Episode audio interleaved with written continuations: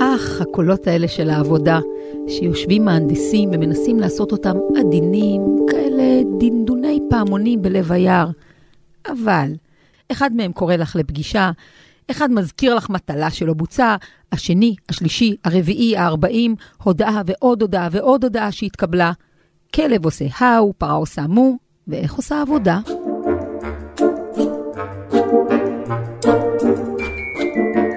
אנחנו חוזרים מהפסקה בעיצומה של העונה השנייה של 25 שעות ביממה.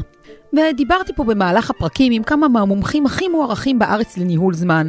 ואפילו שכולנו חכמים, וכולנו נבונים, וכולנו יודעים את התורה, ואפילו מיישמים, כולנו עצמאים.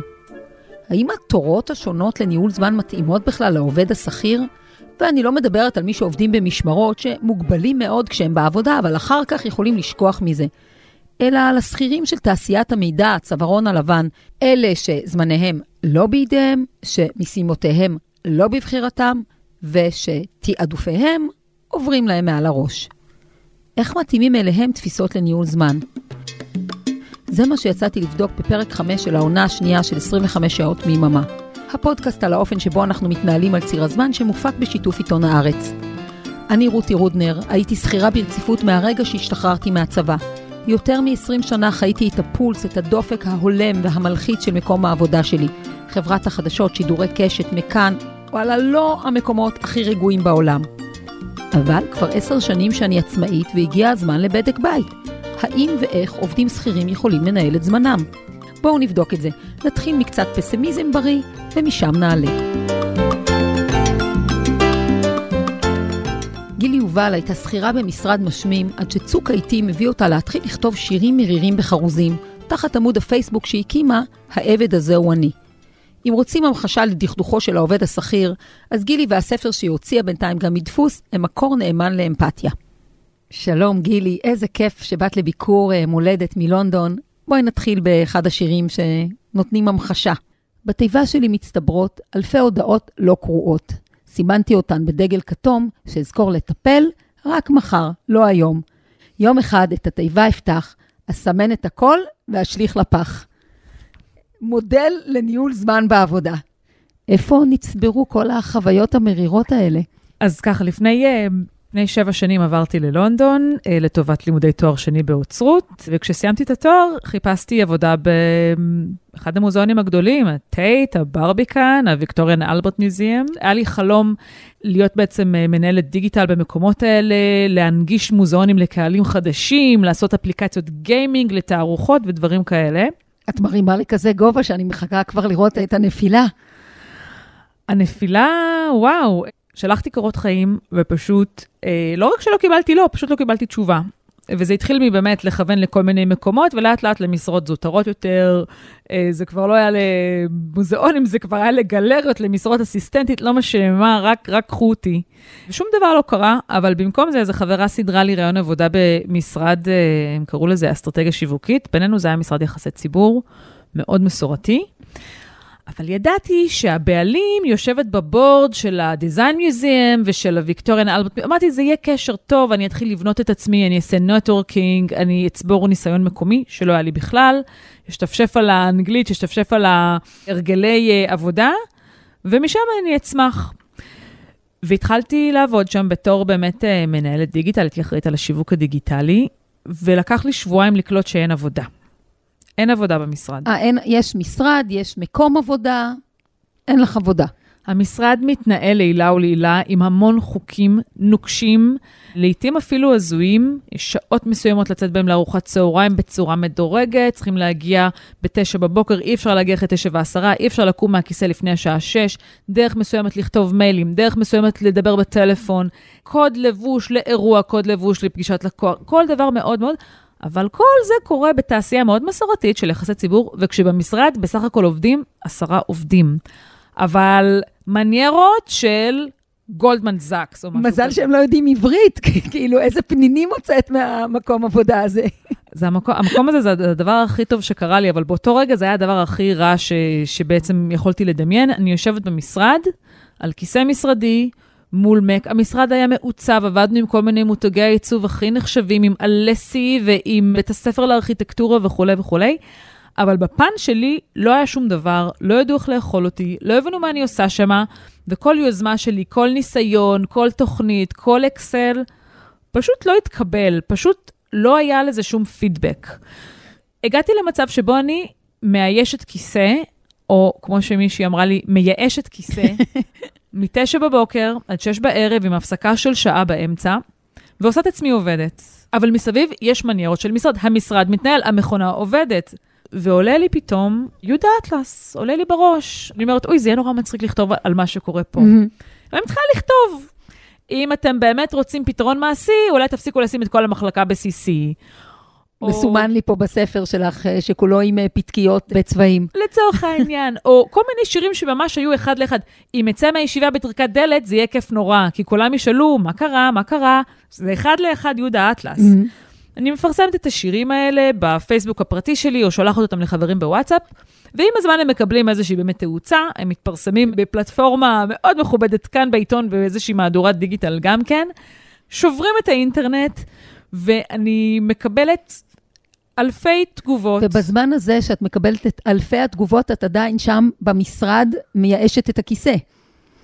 בזמן הזה אני כבר מפוטרת משם, כי העזתי לבקש לרדת לחצי משרה, באמת מקטע של אני מבזבז לכם פה כסף.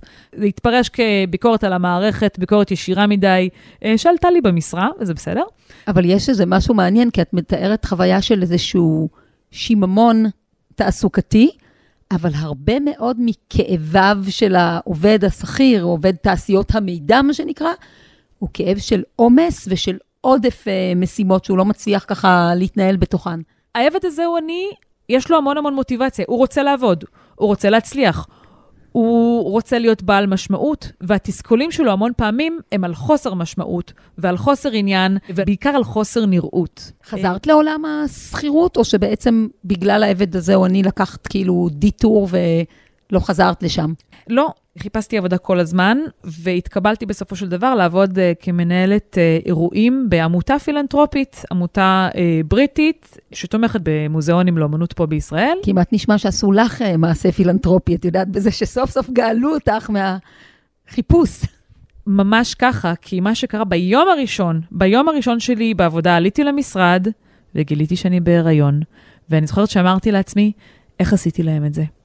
ואני חייבת להגיד, יש לי המון המון כבוד והוקרת תודה למקום העבודה שלי. אחרי חודש סיפרתי, זאת אומרת, הייתי ממש בהתחלה, וקיבלו את זה בהמון הבנה ואהבה, ואמרו לי, זה, זה נפלא, זה חדשות מעולות, ובאמת התחלתי את העבודה האמיתית, הרצינית שלי בלונדון. מה שקורה עכשיו, מאז שיצא הספר הפעם עם הקובץ, הוא שאני ביום שכירה, עובדת בעמותה, מנהלת אותה. אגב, סוף טוב, גם נולדה הבת שלי וגם אה, נולדה מאז עוד אחת, וגם והתמניתי למנהלת העמותה. את יודעת, הפרק הזה והסיבה שזימנתי אותך אה, לדבר בו, זה בגלל סימני שאלה שהתעוררו אצלי אחרי שדיברתי באמת עם אנשים שהם בין הבולטים ביותר בארץ בתחום הזה של ניהול זמן וניהול, ופתאום אמרתי, רגע, אנחנו כולנו עצמאים, איך אנחנו בכלל יכולים לדבר על זה? אולי כדי לנהל כל כך טוב את הזמן שלנו, בעצם עזבנו את מערכת העבודה, כולם איפשהו בדרך היו שכירים, ואז אמרתי, חייבים לבדוק רגע אם העובד, השכיר, העבד, אולי, אה, כמו שאת אה, קוראת לו, אם הוא, הוא יכול בכלל ליישם כל מיני רעיונות וכל מיני שיטות של ניהול זמן. אז אני רוצה לזרוק לך כמה כדורים ולראות ככה מה לדעתך אפשרי, לא אפשרי, איך אפשרי. את יכולה כמובן להתפרע. אז אה, עלה פה לא פעם הנושא של עבודה עמוקה. של לבחור את המשימות שהן המשמעותיות, שהן מוציאות ממך את המיטב שבך, אבל כדי לעשות אותן, להסתגר, להתבודד למשך שעתיים, שלוש, אפילו פיזית לא להיות עם הטלפון.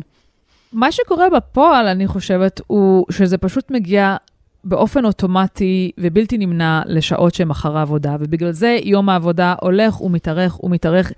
כי במהלך היום אנחנו כן מתעסקים עדיין בניקוי שולחן. אני לא חושבת ששלוש שעות זה פרק זמן אפשרי, או יש לו איזשהו מחיר אחרי זה. כן, כן אפשר לייצר את זה. אני אישית עובדת עם שיטת פומודורו, 25 דקות uh, ריכוז, 5 דקות הפסקה, כדי לנסות לנטרל דברים אחרים.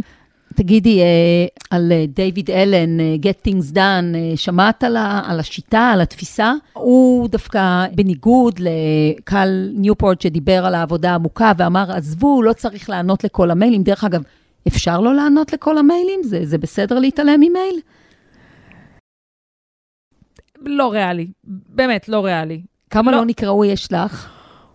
וואו, יותר מ-20 אלף. לא. כן. אוקיי. עוד דבר שהוא אומר זה להיות במצב מתמיד של תעדוף המשימות שלך, ובתוכן לדעת כל יום מהי המשימה החשובה של היום. זאת שאם תעשי אותה, ככה תחצי איזה משוכה משמעותית.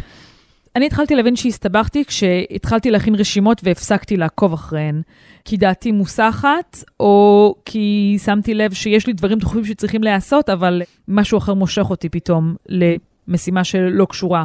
ואז אני, אני לא הייתי מעולם דחיינית או משהו כזה, ואני מוצאת את עצמי בתקופה האחרונה נהיית אה, מאלה שדוחים דברים לדקה ה-90, אבל ממש. את יודעת שכחלק מההכנה שלי לפרק הזה, קראתי מחקר מאוד מאוד גדול, ה-Work Lab, מעבדת העבודה של מייקרוסופט עשתה, ושם גילו שלא רק שבתקופת הקורונה היו יותר פגישות, ראו יותר את הבן אדם, ואי אפשר יותר לא לראות את האדם שמאחורי העובד, כל הביטויים האלה נורא מצחיקים באיזשהו אופן, כי הרי איפה בדיוק ההפרדה, אבל שכאילו המכלול של חייו של אותו עובד פתאום נגלה לעיני העמיתים שלו והמנהלים שלו.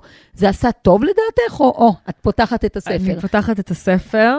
מצאת? אני, כן, שאני אקריא אותו? כן, כן. תני לי קצת רקע. בזום של הבוקר הרצתה הדוברת על יעילות, על בחירות ותעדופים.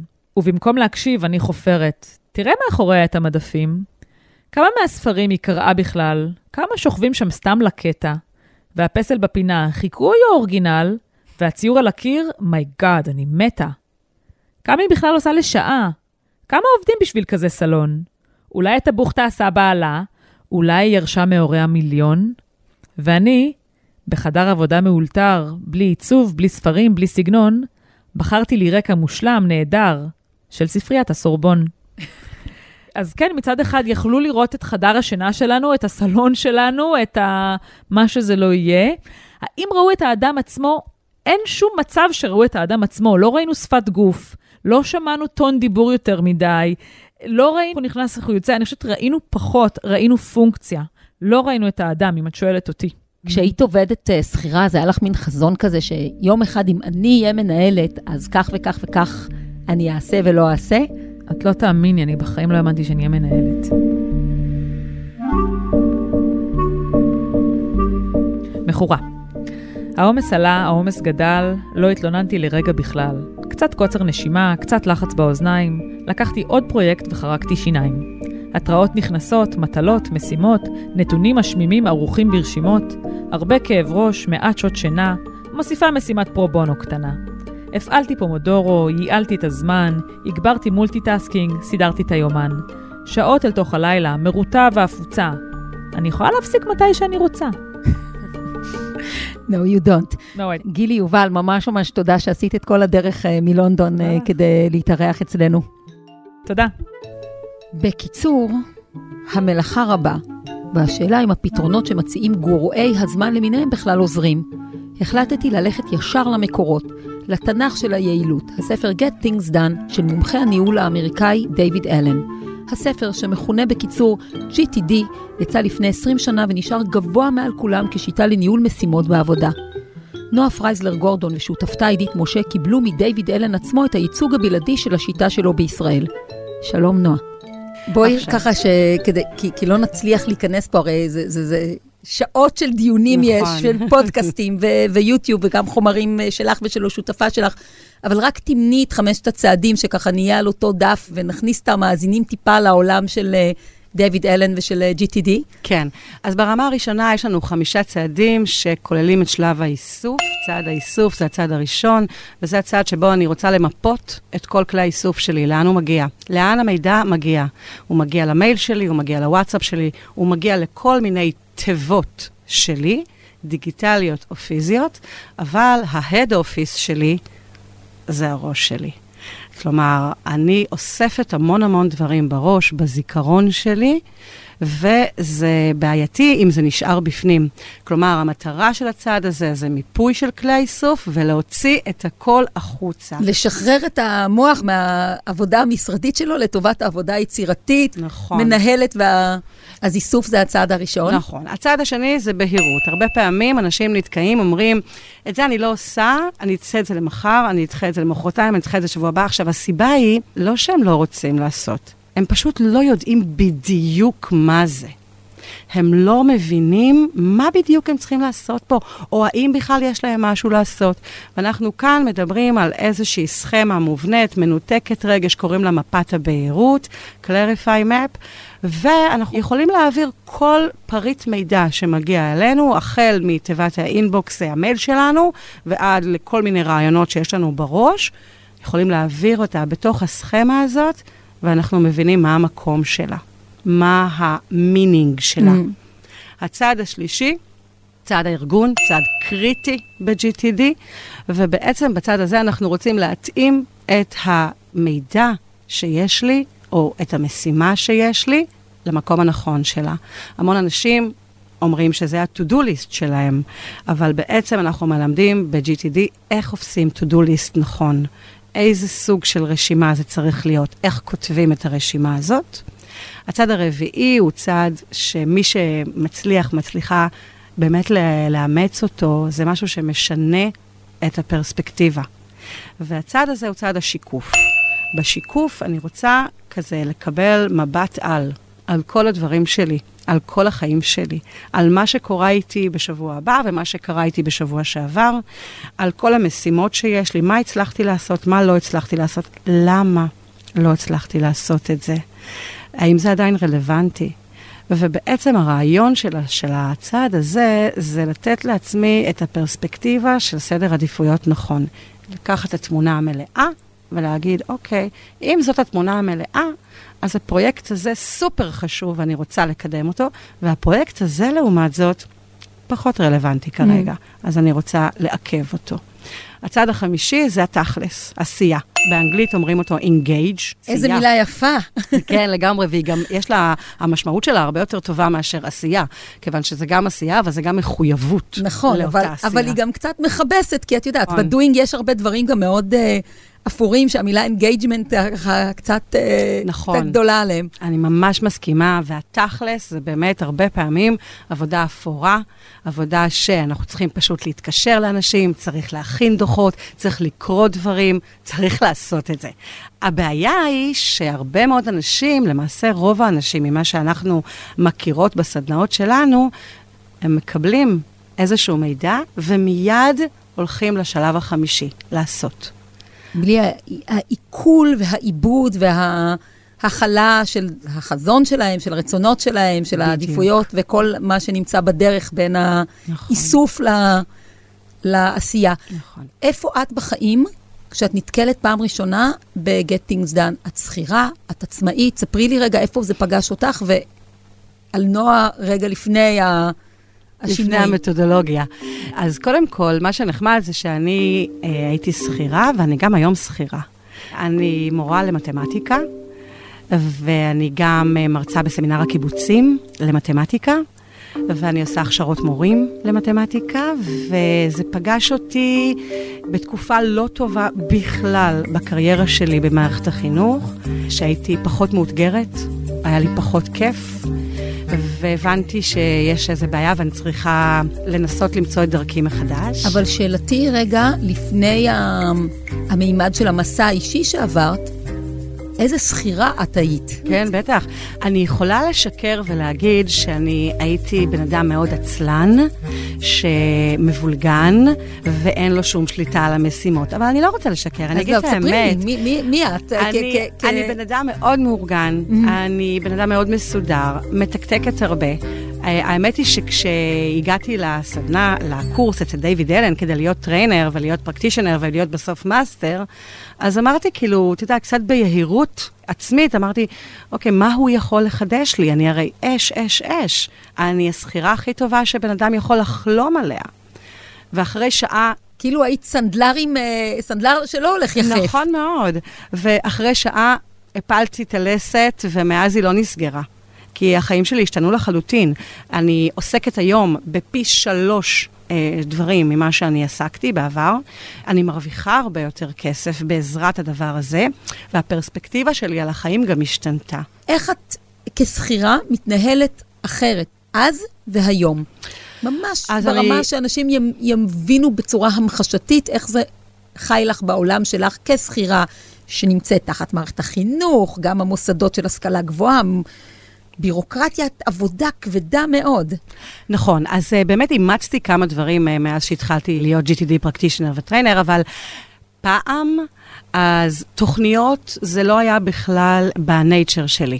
לא תכננתי שום דבר. אמרו לי, אוקיי, את צריכה לעשות את זה, או מה את אומרת על הפרויקט הזה? הייתי אומרת, יאללה, לוקחת את זה, מיד ניגשת לביצוע. מה אני צריכה לעשות? בום, כותבת לי כמה דברים קטנים, משתפת את מי שצריך, בדרך כלל לא את כל מי שצריך, תמיד שוכחת פה ושם עוד בן אדם, ו... הרבה בלאגן, וחשבתי שאני מאוד טובה. Mm. אבל היום אני יודעת, כשאני עושה פרויקטים אחרים, ואני רואה היום את רמת הבגרות בניהול הפרויקטים, ואני גם, אני עדיין לא master, ואני רואה את השלבים השונים, את התכנון לטווח ארוך, את האסטרטגיה, השגה של מטרות מסוימות, כלומר, הכל לנגד עיניי. פעם זה לא היה ככה. זה מימד אחד, מימד של mm. תכנון. מימד נוסף זה מימד של זמן.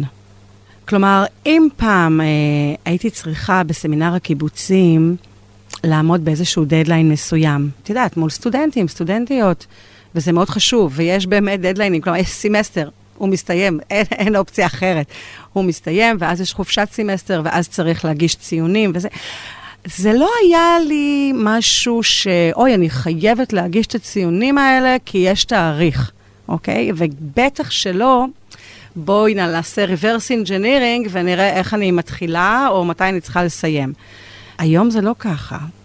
היום הדברים קורים בזמן, וכשאני אומרת בזמן, זה לאו דווקא, אני לא מתכוונת דווקא, כלומר, הדבר החשוב, זה לא שאני מגישה בזמן, mm-hmm. שאני יודעת מה הזמן, ואז אני הולכת אחורה ואומרת, אוקיי, מה אני עושה פה כל יום, כמה זמן אני צריכה להשקיע בזה, כדי שזה יהיה מוכן. כלומר... אז זה גם קשור למימד של התכנון באיזשהו נכון. אופן, שמתבטא בחוויה יותר טובה שלך על נכון, הזמן. גם פעם הייתי מאוד... Uh, ידי בכל. אוקיי, עשיתי את זה ועשיתי את זה, אבל הייתי בסטרס. כל הזמן הייתי בסטרס, ולא היה לי זמן לפעמים למשפחה, ולא היה לי זמן הרבה לחברות, הן היו מתלוננות, רק אני מתקשרת, רק אני עושה, והם גם צדקו. היום רמת הסטרס מאוד ירדה, כי הדברים הם הרבה יותר ברורים. כלומר, יש ניהול נכון של כל, אני לא רוצה להגיד מקורות ההכנסה, אלא מקומות העבודה. כל המחויבויות שלי הן מנוהלות ברמה הרבה יותר גבוהה, כך שרמת הלחץ והסטרס מכל הדבר הזה שנקרא, אני גם מורה ואני גם מלמדת במכללה, וגם יש לי עסק עצמאי ועליו מירב התשומת לב שלי, הדברים האלה יותר ברורים. עוד דבר שהשתנה זה התקשורת שלי מול אנשים. כלומר, אם פעם הייתי סוליסטית, כן? מה שאני עושה זה מה שאני עושה, ואל תתערבו לי ואל תגידו לי איך גם. כלומר, מוכנה לשמוע עצות, אבל בסוף זה אני לעצמי. היום הדברים מאוד מאוד שונים. בגלל שאני יודעת שתקשורת זה חלק מאוד חשוב, ובמיוחד חשוב כדי שאני אגיע לצד ארבע, לשיקוף שלי, אז התקשורת שלי עם אנשים, עם השותפה שלי, עם המנהלות שלי, היא גם הרבה יותר פתוחה.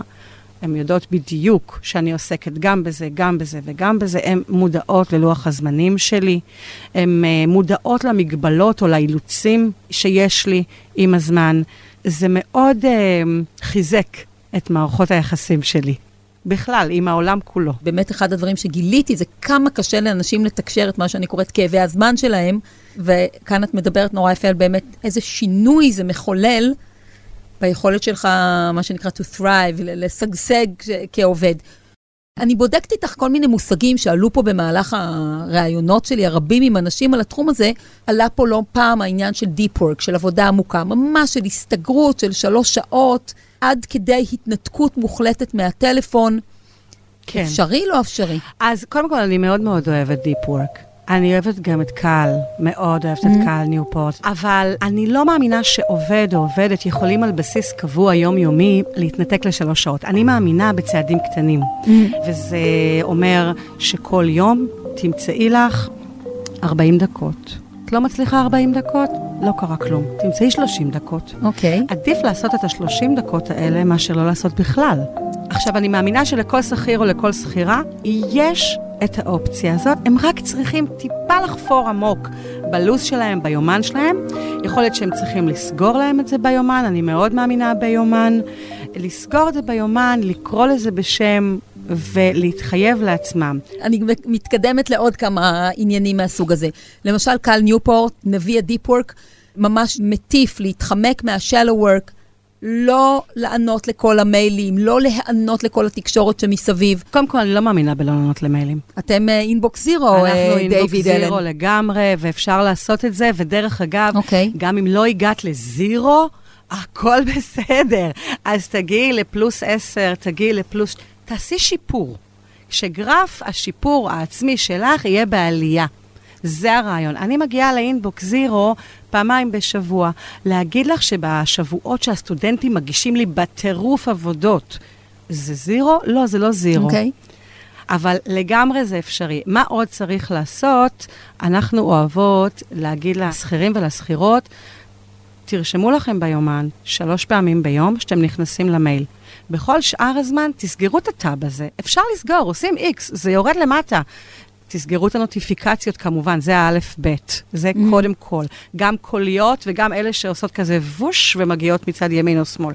סלקטיביות לגבי אה, זימונים של פגישות. כן. מה עושים עם זה? הפתרון האולטימטיבי זה תקשורת. לגשת לאותו בן אדם, המנהל, המנהלת, להגיד להם, היי, ראיתי שזימנת אותי לפגישה. בשעה הזאת חשבתי דווקא לעשות משהו אחר. מה דעתך? או מה okay. אוקיי. דעתך? האם זה יותר חשוב, X או Y יותר חשוב? לפי מה שתגיד לי, זה מה שאני אעשה. התקשורת שכיכבה פה קודם, נכון. אני uh, ממש מסכימה איתך. החלטה על המשימה החשובה של אותו יום, כן. הדבר הזה שאם תנקי, תנקי משולחנך, מה אם מישהו אחר מחליט בשבילי מהי המשימה החשובה שלי באותו יום? כן, אז קודם כל אנחנו ממש לא רוצים להתעלם מהמישהו הזה. אם מישהו מחליט בשבילי מה המשימה החשובה לאותו יום, סימן שיש לו את הזכות להחליט את זה. אוקיי. אז אנחנו לגמרי זורמים איתו, כיוון שמקום העבודה הוא חשוב. אגב, לא תמיד לנו כשכירים יש את התמונה המלאה.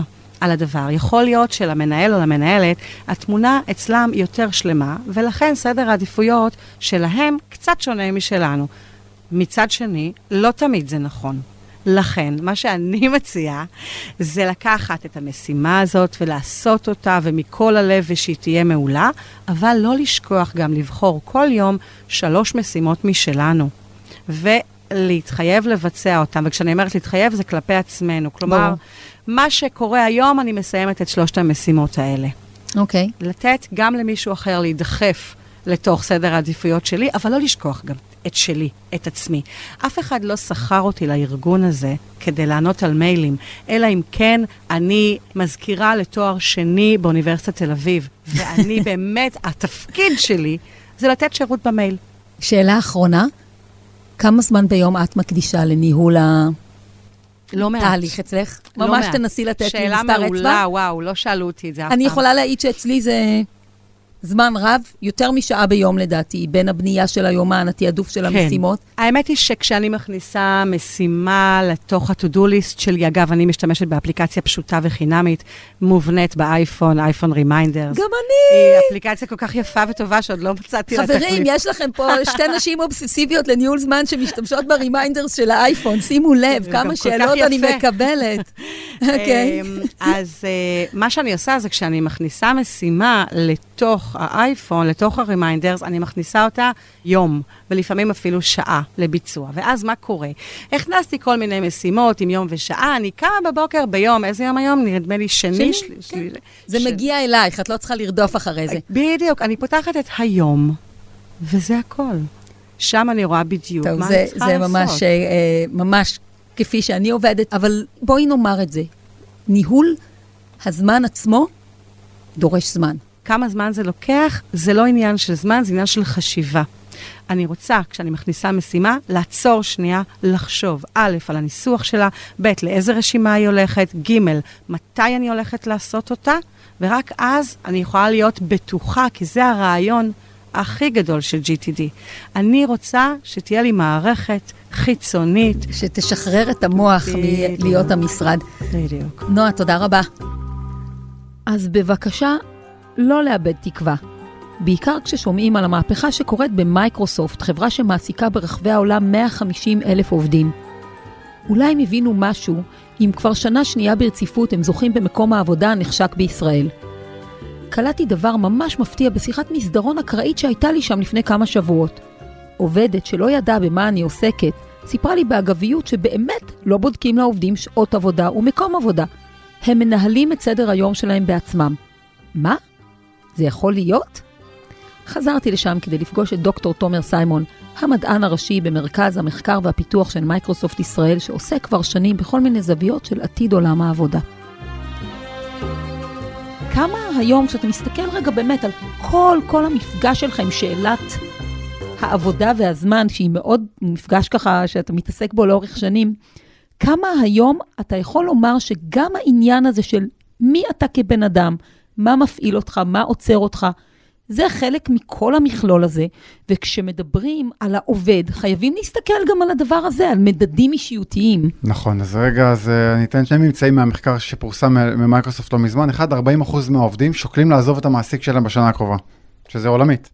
זה המון, כן? 40 אחוז, וזה חלק מהתהליך הזה שהקורונה, שוב פעם, היה טוב שבזמנים, היה רע שבזמנים, פתאום אמרת, הנה, אני יודע מי אני, אני יודע איפה אני עובד הכי טוב, אני רוצה בצהריים לשבת עם הילד, אני רוצה בבוקר לצאת לחדר כושר, אני אעבוד בזמן שלי, התשע עד חמש חסר משמעות לעולם הזה, וזה גם הפער ציפיות שרגע, עכשיו צריך לחזור להנהלה, וזה הצד השני של הממצאים, של הרבה מאוד מהמנהיגות חוותה את המשבר הזה של פתאום איך אני מנהל, איך אני עוקב אחרי הדברים, איך אני מבין בכלל מה אני עובד, ואיך אני יוצר גם את הקשר הבלתי אמצעי הזה עם העובד שלי כדי להבין מי הוא בכלל, כי בסוף יש איזו תיאוריה ניהולית שעובדים עוזבים מנהלים ולא ארגונים, ופה זה הקשר המאוד מאוד שחשוב לראות איך מתאימים את שני הצדדים האלה. אז איפה קו הזהב בין תחושה של ביטחון ועצמאות לעובד, ושל, אה, אתה יודע, אמון ויכולת עמידה ביעדים מצד המנהל, שבוא נגיד שהוא יותר נבחן על פי המטרות של הארגון. איך יוצרים את האיזון הזה? ופה תוריד את זה באמת להחלטות הפרקטיות שקיבלו במייקרוסופט בהקשר הזה של עצמאות של עובדים בעקבות הקורונה. אז תראי, אנחנו עדיין במייקרוסופט, ההמלצה היא לעבוד מהבית. רגע, לא להגיע למשרד, יש פה כמה רמות, אבל רגע, אני אומר, ההמלצה עדיין מהבית. מה שאנחנו מבינים, גם נשיא מייקרוסופט באוקטובר 2020, אה, אמר גם ש-50% מעובדי מייקרוסופט יעבדו לנצח מהבית. זה לא בגלל שהוא רוצה לחסוך אה, בנדל"ן פשוט? אתה יודע, לא. בכל זאת תוצאה כבדה לארגון אה, כזה לא, פרוס. הממצא של המחקר הראה שכן, אם כולם עובדים כל הזמן ב-remote, נפגעת החדשנות, וזה רואים בארגונים, וכן חייבים ליצור את המפגשים האלה של הצוות, יראה אחד את השני וייפגש, ויהיה את המפגשות מסדרון, ושאני אוכל לבוא אליך לשולחן ורגע לשאול אותך שאלה, קוראים לזה core days, בין אם זה יום, בין אם זה יומיים, שהצוות מגיע למשרד ונפגשים. אז הם מוכתבים ה-core days? כלומר, מנהל בתיאום. של הצוות זה בתיאום אבל עם העובדים, נכון, כן. אוקיי, אז בעצם, אני אלך רגע עכשיו לפרקטיקות של ניהול זמן.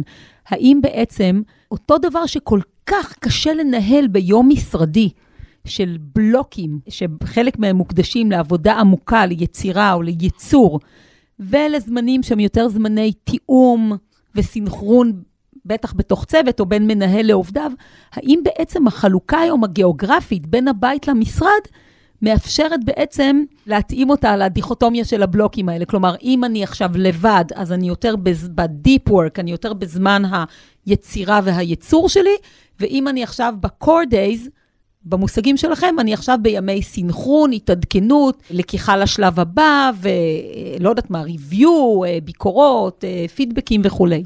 אז צריך לשלב את זה. רגע, אני אומר, בסוף אה, מייקרוסופט היא חברת התוכנה בין הגדולות ביותר בעולם, והמקצוע הליבה זה מהנדסי תוכנה. ופה גם צריך לראות איך מודדים פרודוקטיביות של עולם התוכנה, זה עולם שונה לחלוטין, אבל מתכנתים או מהנדסי תוכנה לא אוהבים ישיבות, אוקיי? רגע, בתהליך הזה.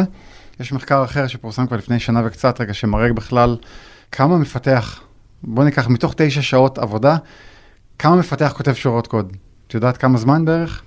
אני יודעת כמה זמן, אני מניחה שזה בטח אה, שעתיים, שלוש ביום. גג. זה בין שעה לשעה וחצי, וזה זה בנצ'מרק עולמי של התהליך הזה, וזה גם רגע להבין גם ההבדל בין מפתח טוב רגע למפתח עוד יותר, זה בערך 30 דקות של עוד כתיבת קוד, וכל השאר זה רגע איך בכלל מודדים את זה. מה הנתון הזה, תומר, עושה לך? כשאתה מסתכל וחושב על השבע, שמונה, תשע שעות, אני אומרת מתבזבזות לא בהקשר של הארגון. נגיד ש...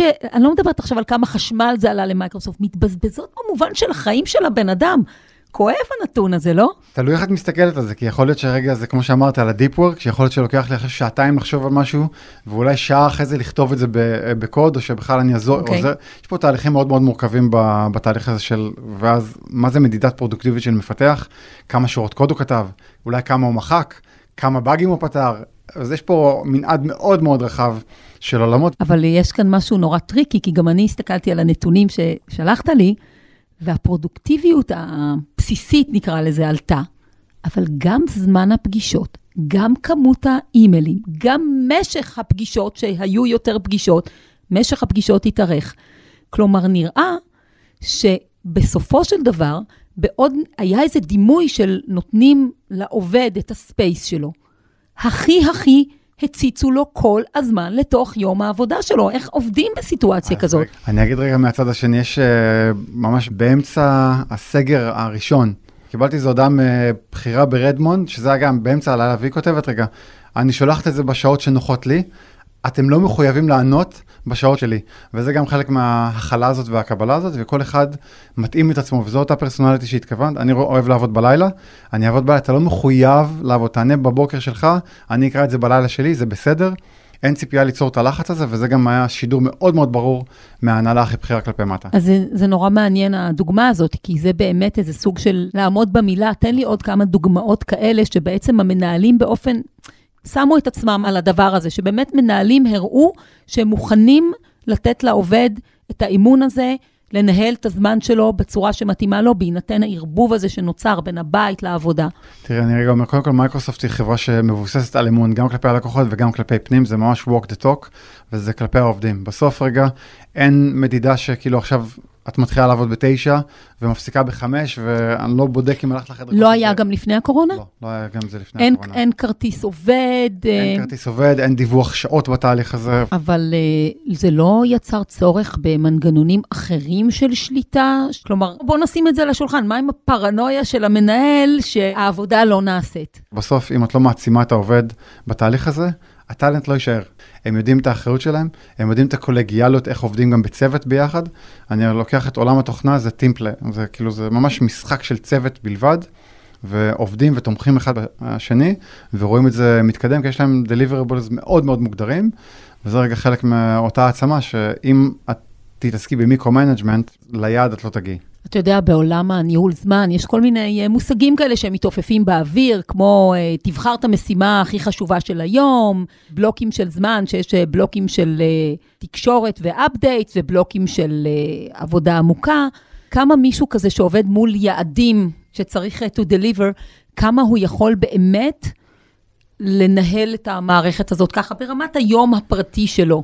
תראי, זה בסוף רגע, יש פה כמה רמות, כי את יכולה לנהל את זה ביום שלך, אבל בסוף את חלק מצוות, ויש אולי מתודולוגיה של ניהול פרויקטים, בין אם זה agile, בין אם זה waterfall, בין אם זה לא משנה מה, אז יש לך את הטקסיות ואת החזרתיות שאת יודעת, את האבני דרך שבהן תיפגשי עם הצוות ותצטרכי לתת דיווחים, אז תחליטי בתוך זה איך את מתנהלת, אבל עכשיו זה גם, אני אומר, אותו יום, זה 24 שעות שנפתחו לך uh, גם לבחירתך. אם את רוצה לעבוד, אני אגיד, מ-5 עד חצות, ומ-9 עד 5 את בים ונהנית עם חברים, זה לשיקולך, זה גם התיאום שלך ותיאום הציפיות מול הצוות, מול המנהל, אבל יש פה הרבה מאוד העצמה ואמון בעובד. ומלמדים את העובד איך לתקשר את הצרכים שלו? כי אני שמתי לב שאחד הדברים הכי קשים זה שלא מדברים על זה. אם לי יש לקיחה מהגן בשלוש וחצי, אני לא באה ושמה את האימהות שלי בפרונט ואומרת, תקשיבו, זה הימים שאני לוקחת מהגן, אלא אני יוצאת מוקדם, אני כאילו סוגרת שם את היומן, אבל כאילו לא מדברים על זה. האם אצלכם למדו לדבר על זה גם? אז הקורונה רגע עשתה את זה, שוב פעם, אה, באמת across the board, אה, כמעט בכל ההייטק, אה, רואים את התהליך הזה, שמבינים רגע שיש פה אילוצים, ויש תחום מונח שנקרא covering, מה אני צריך להסתיר מעצמי כדי להשתלב בצוות, בין אם זה אימהות, בין אם זה קרבה לדת, או כל מיני דברים שאני מביא מהתרבות, אפילו לבוש שאני צריך להסתיר, וזה דווקא היו, נפרצו הרבה מאוד חומות. של אותנטיות אה, במהלך הקורונה ששיפרה, בגלל זה שוב פעם אני חוזר, זה היה טוב שבזמנים וזה היה רע שבזמנים, זה היה פה איזון מאוד מעניין, כי זה הביא הרבה מאוד טוב למקומות העבודה. וואו, המושג הזה של ה... covering הוא מאוד משמעותי ומרתק ואני לא מכירה אותו, אז רק כדי שאני אכיר אותו קצת יותר לעומק, זה סוג של קוד שיש בארגון, מה אתה לא אמור להסתיר מהקולגות שלך או מהמנהלים שלך? זה בכלל, את כבן אדם שאת מגיעה למקום העבודה, אם את מביאה את כל כולך באמת כהווייתך, או שאת מצניעה חלקים, מסתירה חלקים אחרים, לא מספרת על חלקים, אז האם זה גם מעכב אותך? ופה הרעיון דרך covering, קודם כל זה להיות מודע, גם כעובד עובדת וגם כמנהל, האם העובד צריך להתמודד עם זה, ואיך רגע להעצים את התהליך הזה, זה, יש את הצדדים רגע בין הפריבילגיות וכל מיני סוגי הטיות, אבל covering זה משהו שצריך רגע להתמודד איתו. אני רוצה לחזור למושג המאוד מפתיע ש... ראיתי בניירות שלכם, ה-well-being days. כן. תספר מה זה. אז well-being days התחיל uh, באמצע, אמצע סוף הסגר הראשון בעולם, וזה היה שוב פעם, uh, בעקבות רגע המדידה והמצב שראינו עלייה משמעותית בזינוק בפרודוקטיבית של העובדים. בתהליך הזה, אז רגע אמרו רגע, לא סתם לתת להם יום חופש כדי שיתנסו, התחילו בכלל עם סוף שבוע אחד. נוסיף להם את שישי ואת ש... שני לסוף שבוע ארוך, ארבעה ימים ברצף, ולראות מה קורה. בתהליך הזה? כלומר, ממש לא היה צריך חג בשביל זה, לא היה צריך לא. אה, אה, בר מצווה של הבת, לא משנה מה, פשוט נתנו לאנשים בצורה יזומה, יזומה ימים זה... שהם חופשיים. ימי חופש מוחלטים, כי זה התחיל בעצם בתהליך הזה שראו בסופי שבוע רגילים ובימי חופש, שאנשים עדיין מחוברים, אוקיי? אז, אז הארגון הסתכל על זה, זה לא בא מעל... הארגון הסתכל ורגע אמרו, רגע, כדי למנוע את השחיקה ולמנוע את התשישות הזאת, את מה שנקרא ברנאוט, אז uh, נתנו ארבעה ימים, וראו בעצם שהעובדים התנתקו באמת, וזה לא פגע בפרודוקטיביות. אחר כך הייתה עלייה, והם השלימו את כל הפערים של החופשה ואת כל התהליכים האלה, כי בעצם זה היה ממש, רגע, תתנתקו, דיסינגייג', תחשבו, לכו להם, תהנו מהתהליך הזה. ותחזרו רעננים, וזה אותו well-being, וזה התחיל משם את החמישה ימי well-being לעובדים שיבחרו את הימים שלהם, בעידוד מאוד מאוד משמעותי של המנהלים, תיקחו אותם, תתנתקו ותחזרו, ובסוף המנהלים גם, אני אומר בתעשייה, יש רגע, הם לא יהיו פה עכשיו צוות שלם, זה יפגע לנו בפרודוקטיביות, ביעדים, להפך לחלוטין, אותה העצמה של עובד ואותו אמון, וחשיבה רגע על, על העלות של הפרודוקטיביות, תן לעובד את החופש ליהנות, תאמין לי, הם הם יטפלו בזה אחר כך. זה לא קשור לספירת ימי לא החופשה. לא מותנה בכלום, וזה מעבר לימי החופשה השנתיים. אוקיי, okay, כן. uh, אז uh, זה נראה לי uh, בשורה מאוד משמעותית ש, שיוצאת מפה, נכון. ונראה לי שנסיים בה. תומר, תודה רבה רבה. תודה רבה. אי אפשר לסיים פרק כזה ושלוש שיחות שכאלה בלי עוד אחד קטן מריר מבית היוצר של גילי יובל. כשאתם שולחים מייל בשעות משונות, אתם יודעים שאני לא אמורה לענות. בחורה שכמותי, לא מתאפקת, ניגשת מיד לנייד ובודקת. מסמנת לא נקרא, חוזרת לסידורים, ובלב מאחלת לכם מוות בייסורים. בנימה מרירה זו, בואו נראה מה למדנו. מנהלים, אתם רוצים לשמור על העובדים שלכם? תנו בהם אמון. בן אדם יודע הכי טוב מתי הוא ערני ומתי פחות, מתי מרוכז ומתי לא, איפה הבית מפריע לו ואיפה דווקא נותן שקט. תגדירו מטרות בבהירות, תנהלו שיח על הריאליות שלהם, תטו אוזן לכאבי הזמן. יעילות בעבודה אי אפשר לספור רק בכמה תוצר בכמה זמן. חייבים להרחיב את המשוואה, להכניס פנימה למשל את המחיר היקר של ההון האנושי. ומסתבר, למשל, שסתם ימים חופשיים רק עושים טוב לכמות ולאיכות העבודה שנעשית. ואתם השכירים, תתקשרו את סימני השאלה על העומס, על הדחיפות, על הנחיצות. זה שמישהו אחר מציב את היעדים ונמדד לפיהם, לא אומר שאתם לא החוליה הכי חשובה בדרך למימוש שלהם. תמצאו איפה אתם במיטבכם. אם לחסוך מכם לצאת מהבית הופך את היום שלכם ליותר פורה, תישארו. אם דווקא כשאתם יוצאים לעבודה אתם זוכים בקשב ומיקוד, יאללה, תיכנסו למכונית, תעלו על רכבת ותגיעו לשם. תקצו זמן לנהל לעצמכם את הזמן. תבינו מה עומד בפניכם היום, מה עומד בפניכם השבוע. תעשו לעצמכם תוכנית, תפרקו כל משימה ליחידות הכי קטנות שלה, שתדעו כמה היא באמת שוקלת בזמן, בחשיבות ובדחיפות. ותכניסו הכל ליומן, כדי שתראו אם הזמן שלכם בכלל יכול להכיל את כל זה. תציבו קווים אדומים שלא אתם ולא המנהלים שלכם חוצים. אין דבר כזה איזון בין החיים לעבודה, כי אי אפשר להפריד ביניהם. תשמרו על החיים שלכם, על מערכות היחסים המשמעותיות, על תחושת הייעוד, על בריאות הגוף והנפש. 40% מהעובדים רוצים עד סוף השנה לעזוב את מקום העבודה שלהם? אם זה את או אתה, יכול להיות מאוד שיש לכם סיבה טובה. עזרו לי מאוד גם בפרק הזה אמיר פקטור, העורך והמפיק, וצוות הפודקאסטייה של הארץ. אפשר להאזין לנו באתר הארץ, בספוטיפיי ובכל אפליקציות השמע. להתראות, בפרק הבא אנחנו הולכים לדבר על התנתקות מהנייד.